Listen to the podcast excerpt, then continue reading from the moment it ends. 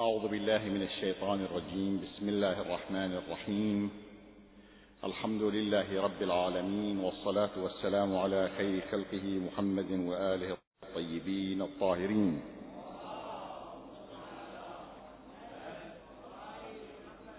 السلام عليكم أيها الإخوة الحضور والأخوات الفضليات ورحمة الله وبركاته. حديثنا في هذه الأمسية المباركة عن مجموعة من التساؤلات والتشكيكات. بما أن الاعتقاد يجب أن يستند إلى قناعة واضحة وإيمان عميق يشد الإنسان إلى عقيدته ولكي يدين الله جل جلاله بما يلتزم به لا بد من رؤية شفافة وموقف صريح تجاه التشكيكات والتساؤلات.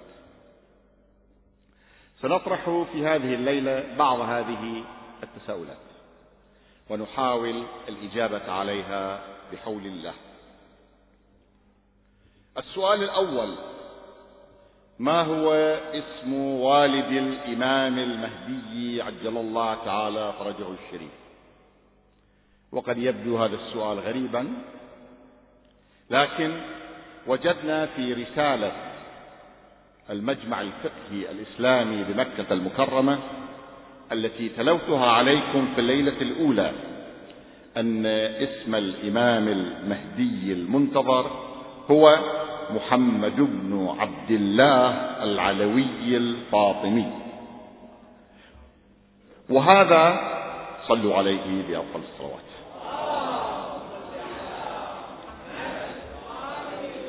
وهذا يستند إلى روايات منقولة عن رسول الله صلى الله عليه وآله وسلم أنه قال في المهدي اسمه اسمي واسم أبيه اسم أبي. وبما أن رسول الله هو محمد بن عبد الله صلى الله عليه وآله وسلم فقد ذكرت الرسالة أن المهدي هو محمد بن عبد الله أيضا. فما هو الاسم الصحيح لوالد الإمام الحسن أو عبد الله؟ والجواب على ذلك أن هناك أسانيد معتبرة تنص على أن رسول الله صلى الله عليه وآله وسلم قال في المهدي عجل الله تعالى فرجه الشريف اسمه اسمي وليست هذه الجملة جملة واسم أبيه. اسم أبي موجودة في تلك الأحاديث. مثلا يقول الحافظ الكنجي الشافعي إن الإمام أحمد بن حنبل مع ضبطه وإتقانه روى هذا الحديث في مسنده في عدة مواضع واسمه اسمي. واكتفى بذلك من دون إضافة الجملة الأخرى. يذكر هذا الحافظ الكنجي في البيان في أخبار صاحب الزمان صفحة 59 ثانيا إن الحديث الذي يتضمن واسم أبيه اسم أبي. ورد في إسناده عبيد الله بن موسى عن زائدة ابن أبي الرقاد الباهلي عن عاصم. وزائدة حينما نبحث عنه في علم الجرح وعلم الجرح والتعديل يعني في رجال الحديث يقولون عنه أنه منكر الأحاديث جدا. بالمناسبة هناك حافظ معروف بأبي حاتم البستي عنده كتاب تحت عنوان المجروحين من المحدثين يقول زائد مولى عثمان روى عنه أبو الزياد منكر الأحاديث جدا وهو مدني لا يحتج به لو وافق الثقات فكيف إذا فرد أما زائد ابن أبي الرقاد الباهلي فهو من أهل البصرة يروي المناكير عن المشاهير ولا يحتج بخبره. إذا فالسند ضعيف لاشتماله على رجال غير موثوقين ولو لم يكن فيهم إلا زائدة لكفى في ضعف الرواية.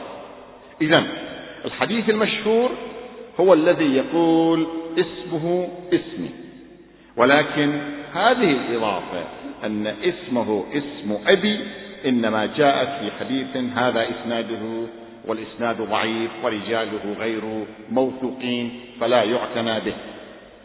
مضافا إلى أن الأصل الذي نقله الجميع في تتبع لكل المصادر التي تقرب من سبعة أو ثمانية التي تنقل واسمه واسم أبيه اسم أبيه تتبعتها فوجدت الأصل فيها مسند أبي داود. ومسند أبو داود يعني أبو داود نفسه ينقل في الأكثر اسمه اسمي من دون هذه الزيادة ولكنه ينقلها في موضع واحد فقط. فإذا حتى أبو داود الذي هو مصدر الحديث والذي ينقله عن هذا زائدة الذي هو ضعيف فيعتمد على حديث اسمه اسمي من دون زيادة اسم أبيه اسم أبي في عدة مواضع. وآخر ما نقوله في هذا المجال هو أن القاعدة في كل تحليل حديثي حينما توجد مجموعتان من الأحاديث وحينما يحصل التعارض بينها ننظر إلى أقواها سندا وأوضحها دلالة ولا شك ولا ريب أن الأحاديث التي ذكرت اسمه اسمي يعني اسم المهدي واسم رسول الله صلى الله عليه وآله وسلم من دون هذه الإضافة هي أكثر وأقوى وأدل وأظهر في الدلالة وعليه قاعدة المرجحات في الأدلة تقتضي أن نطرح ذلك القول الضعيف. سؤال. من أين جاءت هذه الزيادة العباسيون لما تصدوا للخلافة أرادوا أن يتظاهروا بأنهم الوجه الشرعي للخلافة في مقابل بني أمية. فلذلك تلقب أحد خلفائهم بالمهدي. أما أبو جعفر المنصور فهو محمد بن عبد الله ولذلك اختلقوا هذا الحديث حتى ينطبق على محمد ابن عبد الله أبو جعفر المنصور وعليه اسمه اسمي واسم أبيه اسم أبي. هذه الإضافة جاءت مدسوسة لماذا؟ لإرضاء أبي جعفر المنصور. ولذلك قالوا حديثا مزعوما مجعولا. قال رسول الله صلى الله عليه وآله وسلم منا السفاح ومنا المنصور ومنا المهدي. في حين أن حديثا مثل هذا لم يحدث من رسول الله صلى الله عليه وآله وسلم أبدا. هذه فائدة لا بد من أن نذكرها ونتقن في الجواب عنها لأن هناك من يشكك ولقد وجدت بعض من يشير إلى أنه ما دام هناك اختلاف في اسم الإمام وفي اسم والده فالقضية أو المسألة ليست محكمة ومحبوكة بالشكل الصحيح لكن وجدنا أن هذا لا يستند إلى دليل صحيح. التساؤل الثاني وهو التساؤل السائد وهو يتعلق بمعضلة طول العمر. يأتي بعض هؤلاء فيقولون كيف يصح للإمام المهدي صلوات الله وسلامه عليه أن يعيش هذه المدة الطويلة؟ فإذا أخذنا بالحسبان أن ولادته صلوات الله وسلامه عليه كانت في النصف من شعبان سنة 255 هجرية إلى زماننا هذا 1427 والإشكال كان يلقى قبل 20 و30 و50 سنة أيضا على كل 1200 1220 1215 1250 كيف يمكن لإنسان أن يعيش هذه الفترة الطويلة ولقد رأيت بعض من لا خبرة له بالمسائل التاريخية والعلمية يركز على هذا كسلاح قوي يشهره بوجه علماء الشيعة الإمامية. قبل خمسة وخمسين سنة جاء أحد علماء بغداد ولكن لم يذكر اسمه فنظم قصيدة من خمسة وعشرين بيتا يناقش فيها مسألة غيبة الإمام وطول عمره الشريف ووصلت هذه القصيدة من بغداد إلى النجف الأشرف. أيا علماء العصر يا من له فكر ويستمر في 25 بيت. وما أن تصل القصيدة إلى النجف الأشرف حتى ينبري ثلاثة من العلماء الفطاحل للرد على هذه القصيدة بأبيات بنفس الوزن والقافية. فمنهم العلامة الحجة الشيخ محمد جواد البلاغي رضوان الله عليه صاحب تفسير آلاء الرحمن والرحلة المدرسية والمدرسة السيارة الذي كان قمة في عصره في مناقشة المسيحية واليهودية. وهذا حقيقة علم من أعلام الأمة الشيخ محمد جواد البلاغي. نظم قصيدة رائعة جدا في الرد على تلك القصيدة التي جاءت من بغداد وبنفس الوزن وبنفس القافية ورد جميع مضامينها. ومن جملة المضامين التي جاءت في تلك القصيدة مسألة أنه كيف يمكن أن يعيش إنسان بهذه الفترة الطويلة فيذكر في القصيدة أسماء عدد من المعمرين. إذا لا غرابة في ذلك. ثم جاء العلامة الكبير السيد محسن الأمين رضوان الله عليه صاحب الموسوعة الكبيرة أعيان الشيعة والداخل في المدخل السابق الأصلي للروضة الزينبية المطهرة حينما كان يدخل على يمينه يجد قبرين أحدهما للعلامة الكبير السيد عبد الحسين شرف الدين رضوان الله عليه صاحب المراجعات. والنص والاجتهاد وبجانبه قبر السيد محسن الأمين العاملي. وبالمناسبة في آه، في في دمشق هناك شارع الأمين أيضا استنادا إليه والمدرسة المحسنية أيضا نسبة إليه السيد محسن الأمين. على كل أيضا نظم قصيدة رائعة جدا وذكر فيها تفاصيل. ومن جملة ذلك أيضا كان الشيخ محمد حسين كاشف الغطاء ثلاث قصائد رائعة جدا ردت بها القصيدة الأولى وثم جمعها عالم جليل هو البحاثة خاتمة المؤرخين الشيخ حسين النوري. صاحب مصطلح الوسائل كتبه ودون وشرح هذا الحوار الشعري كله. وسماه كشف الأبصار عن الغائب عن الأنظار. على كل هذه المسألة إذا كانت تطرح باستمرار. في مناقشتنا لهذا التشكيك لنا طريقان طريق علمي وطريق ديني. أذكر الطريق العلمي باختصار ومن أراد التفصيل فإن المجاهد الشهيد آية الله السيد حسن الشيرازي رضوان الله عليه في كلمة الإمام المهدي صفحة 54 فما بعد أفاض وفصل في أبحاث مشابهة لذلك تستطيعون أن ترجعوا إليها ولكن أذكر باختصار النقاش العلمي الذي يمكن أن يثار حول هذه المسألة. أولا نحن نلاحظ أن التفوق موجود في جميع الموجودات.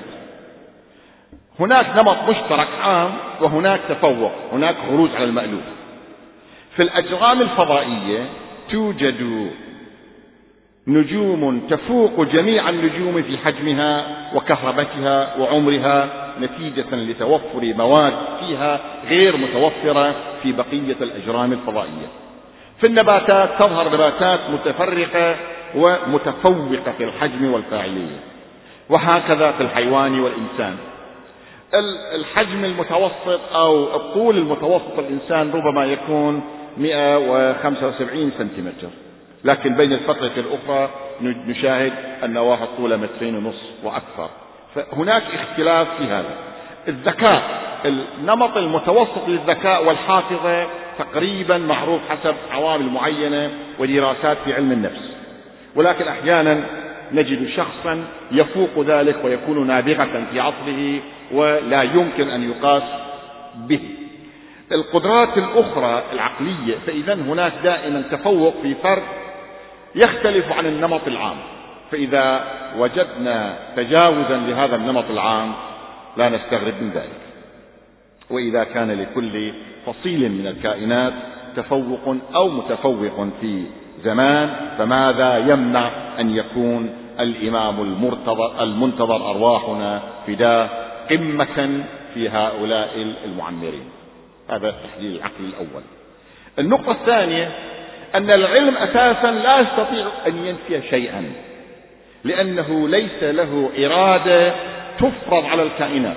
العلم نتيجة تجارب وانطباع حاصل من استقراء بعض الكائنات وليس حاصلا عن استقصائها جميعا. مثلا أرخميدس لما قال أن كل, وز... أن كل جسم إذا وضع في الماء فإنه يفقد من وزنه بحجم بقدر حجم السائل المزاح الذي يدرس أو يدرس في الكيمياء الفيزياء والشكل. جرب ذلك في عشر بوارق 15 20 50 100 200 لم يجرب ذلك في كل مياه العالم وفي كل الأجسام الطافية على الماء. كذلك الذي أتى بنظرية أخرى وهي أن الأجسام أو الفلزات تتمدد بالحرارة جرب ذلك في 30 40 50 مورد ولم يطبقها تطبيقا كاملا في كل مورد إذا العلم التجريبي لا يصلح قاعدة لمعرفة كل مصاديق الفصائل البشرية وغيرها.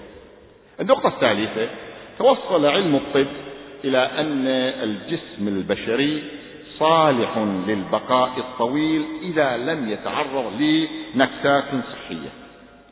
وحينئذ أقتبس من مجلة المقتطف المصرية المجلد الثالث سنة 1379 هجرية.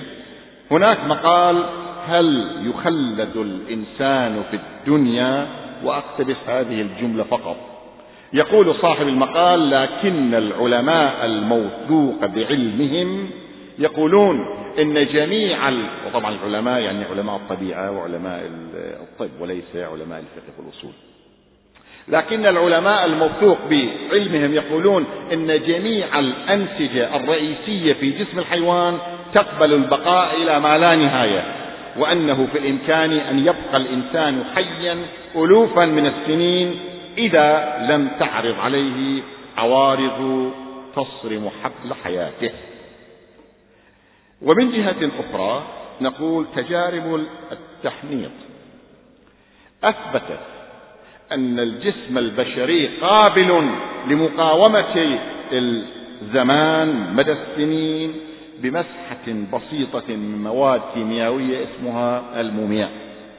وخلايا جسم الميت رغم عدم تجديدها وتجددها إذا كانت صالحة للبقاء فهل تكون خلايا جسم الحي وهي تتجدد غير صالحة للبقاء؟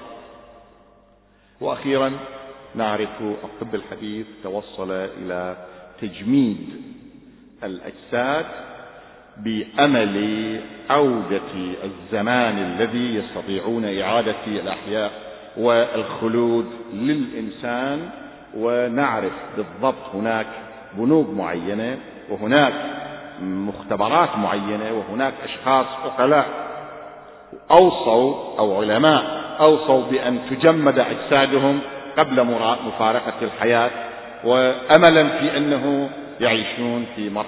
فإذا هذه كلها تمنع شيئا واحدا تمنع القطع بالاستحالة. وبعبارة أخرى لا تجعل القضية من المستحيلات وإنما مجرد استبعاد. هذا ما يمكن أن يقال في الجانب العلمي.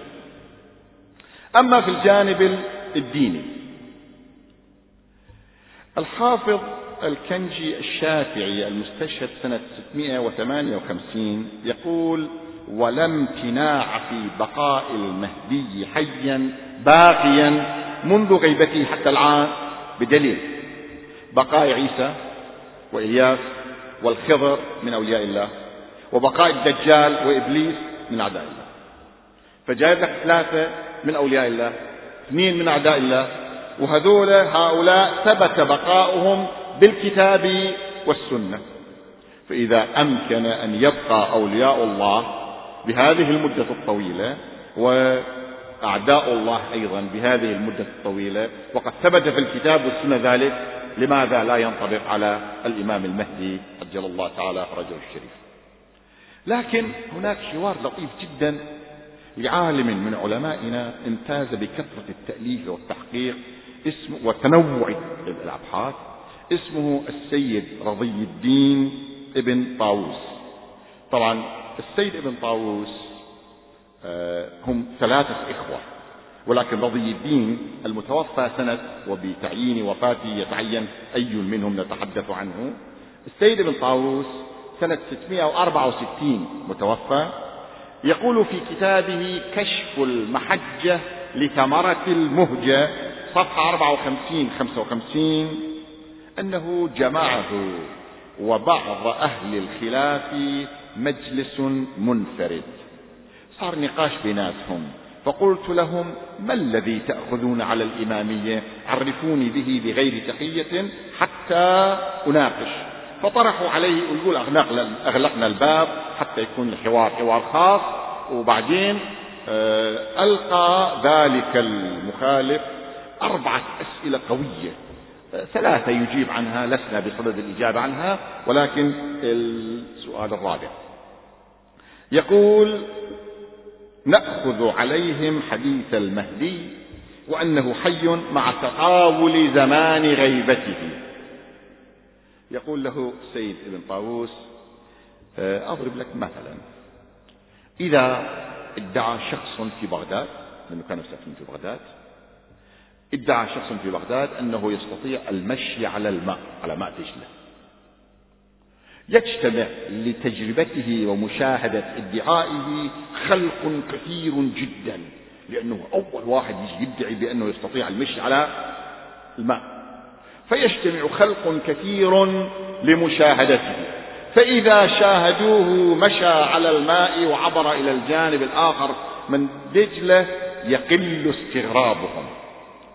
ثم بعد أيام يأتي شخص ثاني ويقول أنا قادر على أن أعبر دجلة. ويجتمع إليه أناس ولكن بعدد أقل وهذا طبعا تحليل لطيف. فيه جانب تحليل عقلي وعلم نفس أيضا وعلم نفس اجتماعي أيضا. لاحظون تحليل لحالة اجتماعية. أنه الناس لما تلقي قضية تلتقي قضية لأول مرة تستغرب كثيرا جدا ويجتمع عدد كبير. لكن لما يأتي للمرة الثانية شخص آخر يجتمع عليه عدد أقل. فإذا بعد أيام اجى شخص ثالث وقال أنا قادر على أن أعبر نهر دجلة وأمشي على الماء يجتمع حوله ناس ولكن بعدد أقل من الحالة الأولى والحالة الثانية. أما إذا بعد فترة جاء شخص رابع وقال أنا أستطيع أن أمشي على نهر دجلة فقطعا العدد الذي يتعجب ويهتم بهذا الخبر يكون أقل بكثير. من الحالة الأولى والثانية لأنه أصبح شيئا كالمعتاد أصبح شيئا مألوفا. بعد هذه المقدمة يقول لهم رويتم أن إدريس حي موجود في السماء منذ زمانه إلى الآن. هذا الأول. ورويتم أن الخضر موجود منذ زمان موسى أو قبله إلى الآن. لأن نعرف أن اللقاء الذي حصل بين موسى عليه السلام والخضر هل أتبعك على أن تعلمني مما علمت؟ رشدا قال إنك لن تستطيع معي صبرا. إلى آخره آه، على الأقل كان موجود قبل موسى. والشكل ورويتم أن الخضر موجود. طبعا هذا هذه العبارة المعروفة يقولون أن الخضر شرب من ماء الحياة. والشكل أو ماء الخلود. رويتم أن الخضر موجود منذ زمان موسى أو قبله إلى الآن. والثالث ورويتم أن عيسى حي موجود في السماء وأنه يرجع إلى الأرض مع المهدي سلام الله عليه. زين هذول ثلاثة. فإذا تكررت تجربة مع إدريس مع الخضر مع عيسى فهذه ثلاثة نفر من البشر قد طالت أعمارهم. وسقط التعجب بهم من طول أعمارهم. فهلا كان لمحمد بن عبد الله صلى الله عليه وآله وسلم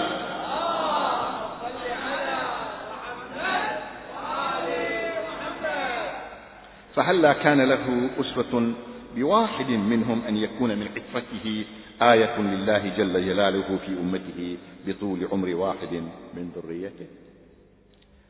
المحطة الثالثة في الجانب الديني هو ذكر مجموعة من الأسماء سريع أولا بالنسبة إلى النبي نوح عليه السلام.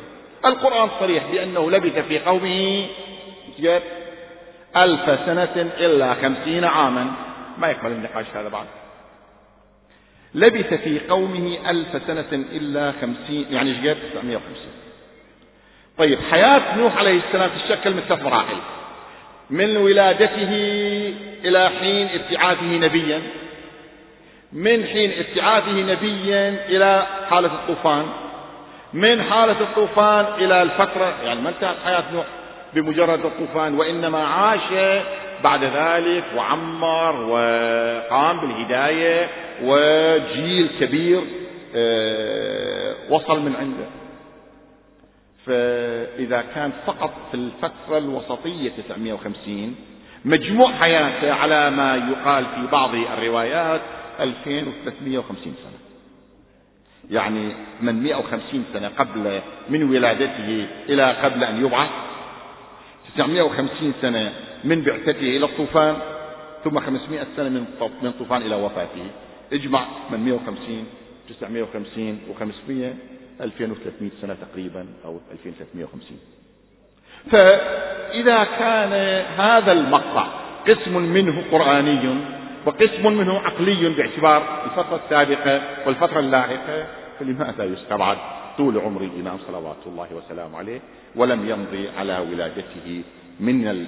من يوم ولادته إلى زماننا هذا أكثر من ألف تقريبا 180 1190 تقريبا. في كمال الدين للشيخ الصدوق كمال الدين وتمام النعمة في كمال الدين للشيخ الصدوق آه، المجلد الأول صفحة 382 نجد أن الإمام زين العابدين عليه السلام قال في القائم سنة من نوح. اللهم صل على محمد وآل محمد. فيه سنة من نوح وهي طول العمر. فإذا كان الإمام زين العابدين قد تنبأ بذلك وقال قبل أن يولد الإمام زين العابدين بأكثر من مئة سنة قال بأن فيه سنة من نوح. فماذا تقولون؟ ونلحق ذلك بآية حول النبي يونس عليه السلام. نقرأ في آه، قصة يونس أن الله جل وعلا قال ولولا أن فلولا أنه كان من المسبحين للبث في بطنه يعني في بطن الحوت إلى يوم يبعثون. إمكانية أن يعيش في بطن الحوت أو خارج بطن الحوت. أن يعيش الإنسان إلى يوم يبعثون بالمنطق القرآني أمر ممكن.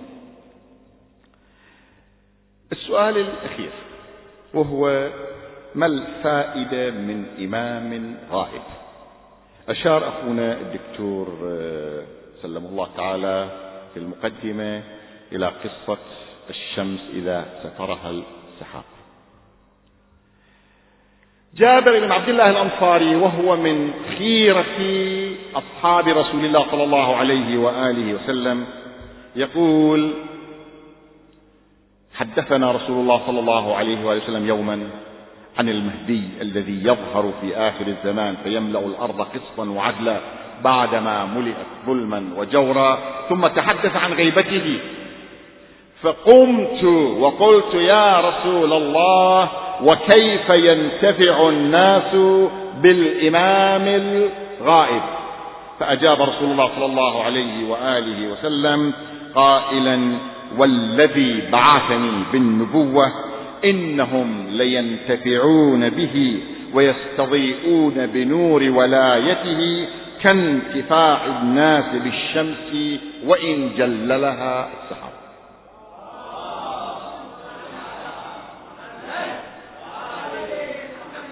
فإذا القصة ليست قصة محدثة مختلقة اضطر الفكر الشيعي على زعم بعض الكتاب أنه بعدما وجدوا الغيبة ولم يجدوا تفسيرا لها اضطروا لأن يقولوا بأنه طيب آه، هناك وسائط لا. منذ بداية الفكرة أساسا منذ بداية فكرة المهدي الموعود منذ بداية التصريح بهذه العقيدة أنه يخرج ولد أو رجل من عشرة يملأ الأرض قسطا وعدلا بعدما ملئت ظلما وجورا. منذ اللحظة الأولى رسول الله يقول بأن له غيبة وفي بعض الروايات له غيبة كغيبة موسى أو غيره من الأنبياء. إذا ويجي السؤال اعتيادي واحد من الأصحاب وهو جابر بن عبد الله الأنصاري أن يطرح هذا السؤال ورسول الله يجيبه على ذلك يشبهه بالشمس إذا جللها السحاب.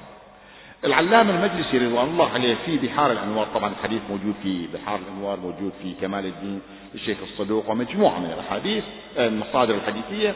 لكنه العلامة المجلسي يعقد ثمانية أوجه للشبه لأنه في التشبيه حتى يكون بلاغيا وصحيحا نحتاج إلى وجه الشبه بين استتار, استتار الإمام المهدي عن الأنظار وعن الأعين وبين الشمس حينما تسترها يسترها السحاب. وثم يقول فهذه وتعبير جميل من عنده هذه ثمانية أوجه على عدد أبواب الجنة يفتح لك من كل باب أبواب بعدد أبواب الجنة. وليس مجالنا في هذه الليلة لأن نفصل في هذه الوجوه كلها وإنما نذكر وجها واحدا فقط وهو الأظهر من بين الوجوه كلها. نحن نعرف أن المنظومة الشمسية التي ننتمي إليها والتي إلى قبل ثلاث أسابيع كانوا يقولون أنها تسعة وفي هذه المنظومة بلوتو ولكنه الآن اكتشفوا والفلكيين اجتمعوا 300 350 حال العالم وناقشوا أنه يطردون هذه الوحدة من المنظومة الشمسية ويضيفون وحدة أكبر منها لسنا بصدد هذه القضايا. ولكن لحد الآن نعرف أن هناك ماذا؟ منظومة شمسية. نحن نتعلق ونرتبط بهذه المنظومة الشمسية. والشمس تجري لمستقر لها.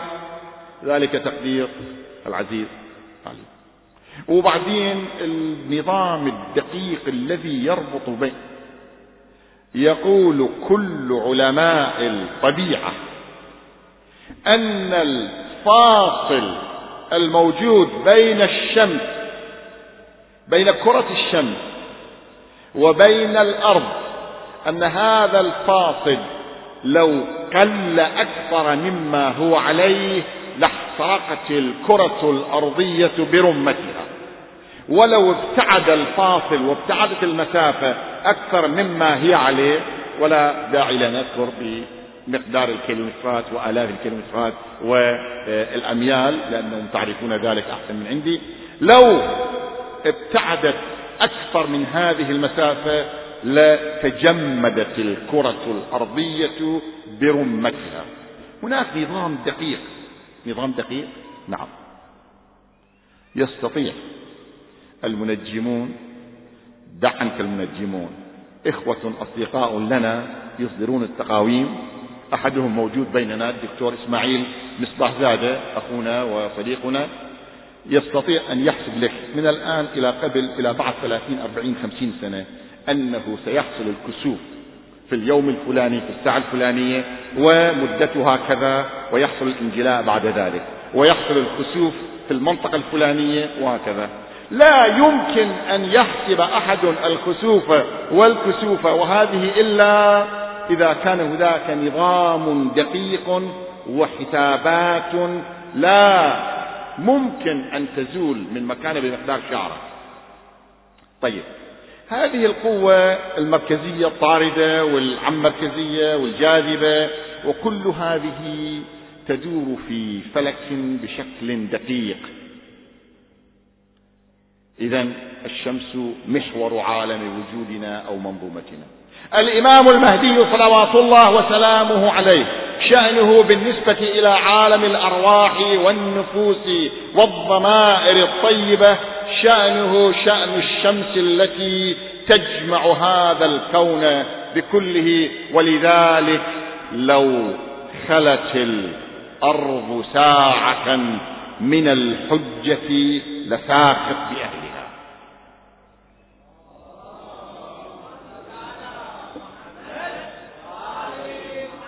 كما أن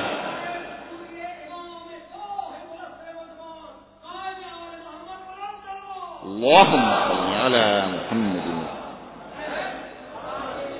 ووجود الإمام الحجة المنتظر أرواحنا فداه فعله فعل الجاذبية بحيث لو اختلت الجاذبية لحظة واحدة وتخلف عن أدائها ينهار الكون كله. هذه الجاذبية هذا التأثير في النور الكواكب كلها. القمر ليس فيه نور من نفسه وإنما يأخذ النور ممن؟ من؟ الشمس. الحرارة الجاذبية. فإذا جمعت النور والحرارة والجاذبية وجمعت هذه كلها ولاحظت أن الغيوم لا بد منها. لأن الغيوم هي التي تفعل ماذا؟ ترسل الأمطار. والأمطار هي منشأ الحياة فإذا أنزلنا عليها الماء اهتزت وربت وأنبتت من كل زوج بهيج. وعشرات الآيات في هذا المجال. إذا نحتاج الغيم ونحتاج الغيوم لترسل علينا المطر ولتبعث الحياة.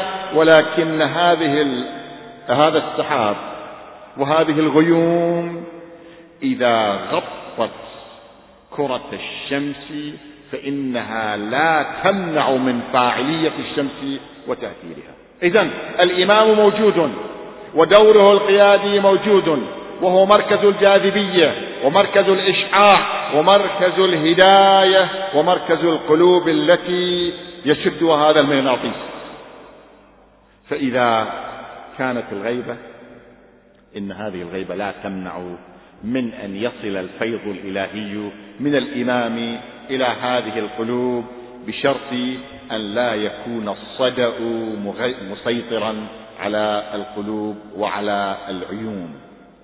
إن عينا مليئة بالمعصية وإن كسبا غير خالص وإن نية غير صادقة. وأجدني هنا أكرر حديث الدكتور أمير بتعابير أخرى. أقول إن عيونا غير صافية وقلوب خالية من الإخلاص وتصرفات غير نزيهة لا يمكن أن تكون مؤهلة لأن تنجذب بجاذبية الإمام المهدي أرواحنا فداه إنها يجب أن تطهر ذاتها أولا وتطهر عيونها أولا حتى تكون بمحل من النظر إلى تلك الطلعة الإلهية البهية. والإمام صلوات الله وسلامه عليه في الرسالة الثانية للشيخ المفيد رضوان الله عليه يعبر عن شيء قليل من هذا المعنى فيقول ولو أن أشياعنا وفقهم الله لطاعته على اجتماع من القلوب في الوفاء بالعهد عليهم لما تأخر عنهم اليمن بلقائنا ولتعجلت لهم السعادة بمشاهدتنا على حق المعرفة وصدقها منهم بنا. فما يحبسنا عنهم إذا ما هو المانع؟ فما يحبسنا عنهم إلا ما يتصل بنا مما نكرهه ولا نؤثره. وتاريخ هذه الرسالة من الإمام الحجة عجل الله تعالى فرجه الشريف إلى الشيخ المفيد غرة شوال سنة أربعمائة واثنتي عشرة هجرية. في رسالته الأولى الإمام الحجة عجل الله تعالى فرجه الشريف بعد أن يكتب إلى الشيخ المفيد بسم الله الرحمن الرحيم. أما بعد سلام الله عليك أيها الولي المخلص في الدين المقصوص فينا باليقين يعبر تعبيرا يجب أن نراه حاضرا في وجودنا وفي عقيدتنا وفي فكرنا. يقول الإمام أرواحنا فداه وعجل الله تعالى فرجه الشريف يقول نحن وإن كنا ناوين بمكاننا النائي عن مساكن الظالمين. فإنا نحيط علما بأنبائكم ولا يعزب عنا شيء من أخباركم. إنا غير مهملين لرعايتكم ولا ناسين لذكركم ولولا ذلك لنزل البلاء واصطلمكم الأعداء.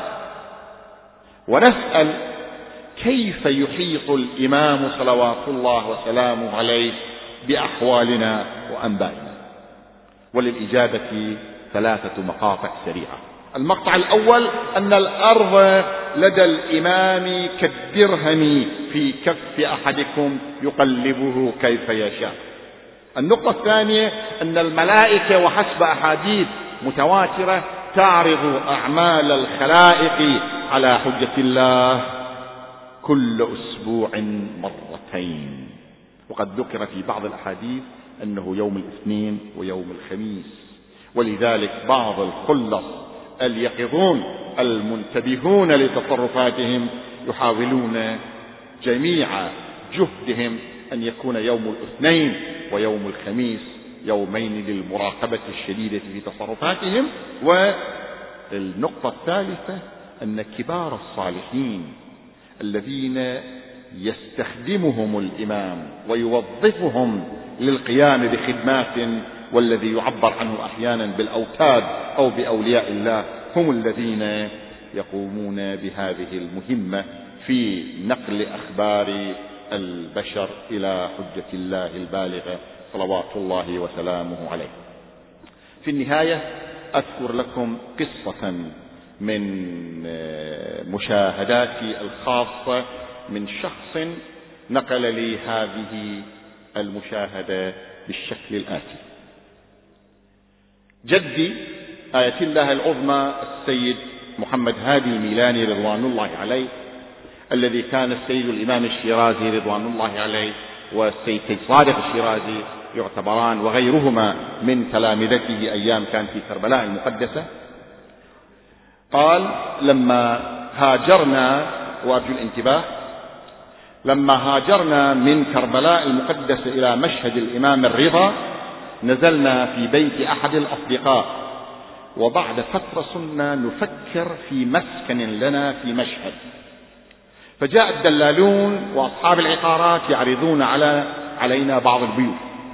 يقول أحد هؤلاء الدلالين أتينا ببيت محترم نظيف وأخذنا السيد الميلاني إلى ذلك البيت ليراه. بمجرد أن وضعت المفتاح في البيت في الباب ودخلت الباب دخل السيد الميلاني بعصاه وأقول هذا عن جدنا رضوان الله عليه دخل بمجرد أن وضع عصاه رجع قال لا لا أريد هذا البيت لأنه بيت عصي الله فيه كثيرا. المؤمن ينظر بنور الله. فقلت له وكيف؟ قال صاحب العقارات كان أول فرع للبنك البريطاني الإيراني في مشهد في هذه الدار. فتتطور الأشياء المفاسد التي كانت ترتكب هناك طبعا بعدين خرجوا إلى منطقة أخرى. بمجرد أن دخل السيد وضع عصاه في العتبة قال هذا بيت عصي فيه الله كثيرا لا أريده. رجع.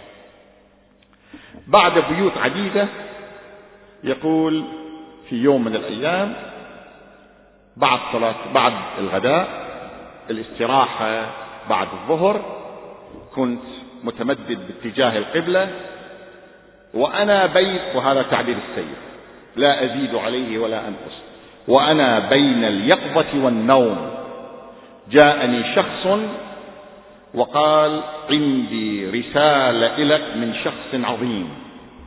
فيقول السيد كنت مستلقيا على فراشي جلست. قال لا هذه رسالة من شخص عظيم. وقف. وقف قال يقول سيدي ومولاي بأننا قد أمنا لك بالبيت فلا تبحث عن البيت بعد هذا. يقول فجأة انتبهت فوجدت نفسي وكنت نائما فوجدت نفسي واقفا في فراشي يقول ناديت على ابني يعني عمنا سيد محمد علي الذي لا يزال موجود في المشهد وقلت له محمد علي قل للدلالين يكفوا عن البحث عن البيت. في اليوم الثاني جاء شخص اسمه الحاج عباس قال عندي بيت معروض للبيع وأريد منكم أن تنظروا هذا البيت. ذهبنا إلى البيت فاتفقنا. قريب كان طبعا الآن صار في هذه التوسعة تهدم وصار في هذه التوسعة الموجودة أطراف الحرم الشريف. كان أول بيت أول زقاق في خيابان طهران المعروف. يقول حينما جاء هذا شفت البيت مناسب والسعر قال السعر 23 ألف تومان. إذا تعطوني 13 ألف تومان الآن أنا أسجل البيت باسمكم وأنتظر ستة أشهر أخرى للعشر ثلاث الأخرى. يقول السيد كان عندي فقط ثلاثة آلاف تومان ولا أدري من أين آتي بالعشرة الأخرى. ثاني يوم جاءتني حوالة بريدية من تبريز لأول مرة ولآخر. قبل ذلك لم تأتي وبعد ذلك لم يتصل هذا الرجل. بعشرة آلاف تومان. صارت 13 ألف. سلمناها إلى صاحب البيت وتسجل البيت باسمنا وبعد ستة أشهر صار ماذا؟ بعد ستة أشهر حصل العشر آلاف الأخرى وأعطينا هي. بيت القصيد هذه الجملة الأخيرة.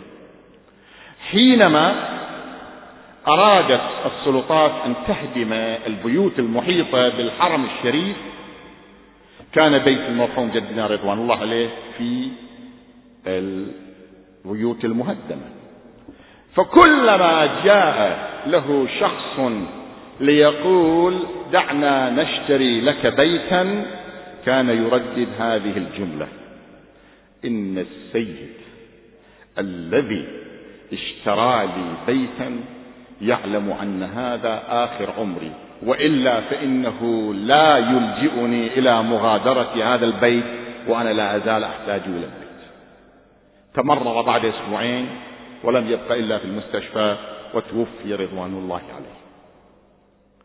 فإذا كان الإنسان ينظف قلبه ويطهر لسانه وينقي عقله ويعتبر نفسه خادما حقيقيا للإمام المهدي أرواحنا فداه فإن عنايات الإمام تصله ويشهدها بكل صراحة ووضوح.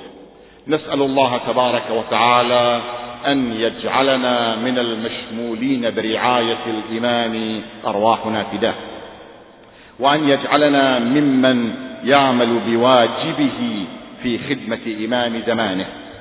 وأن يرينا الغرة الحميدة والطلعة الرشيدة. وأن يوفقنا لأن نعمل بطاعة الله وطاعة رسوله.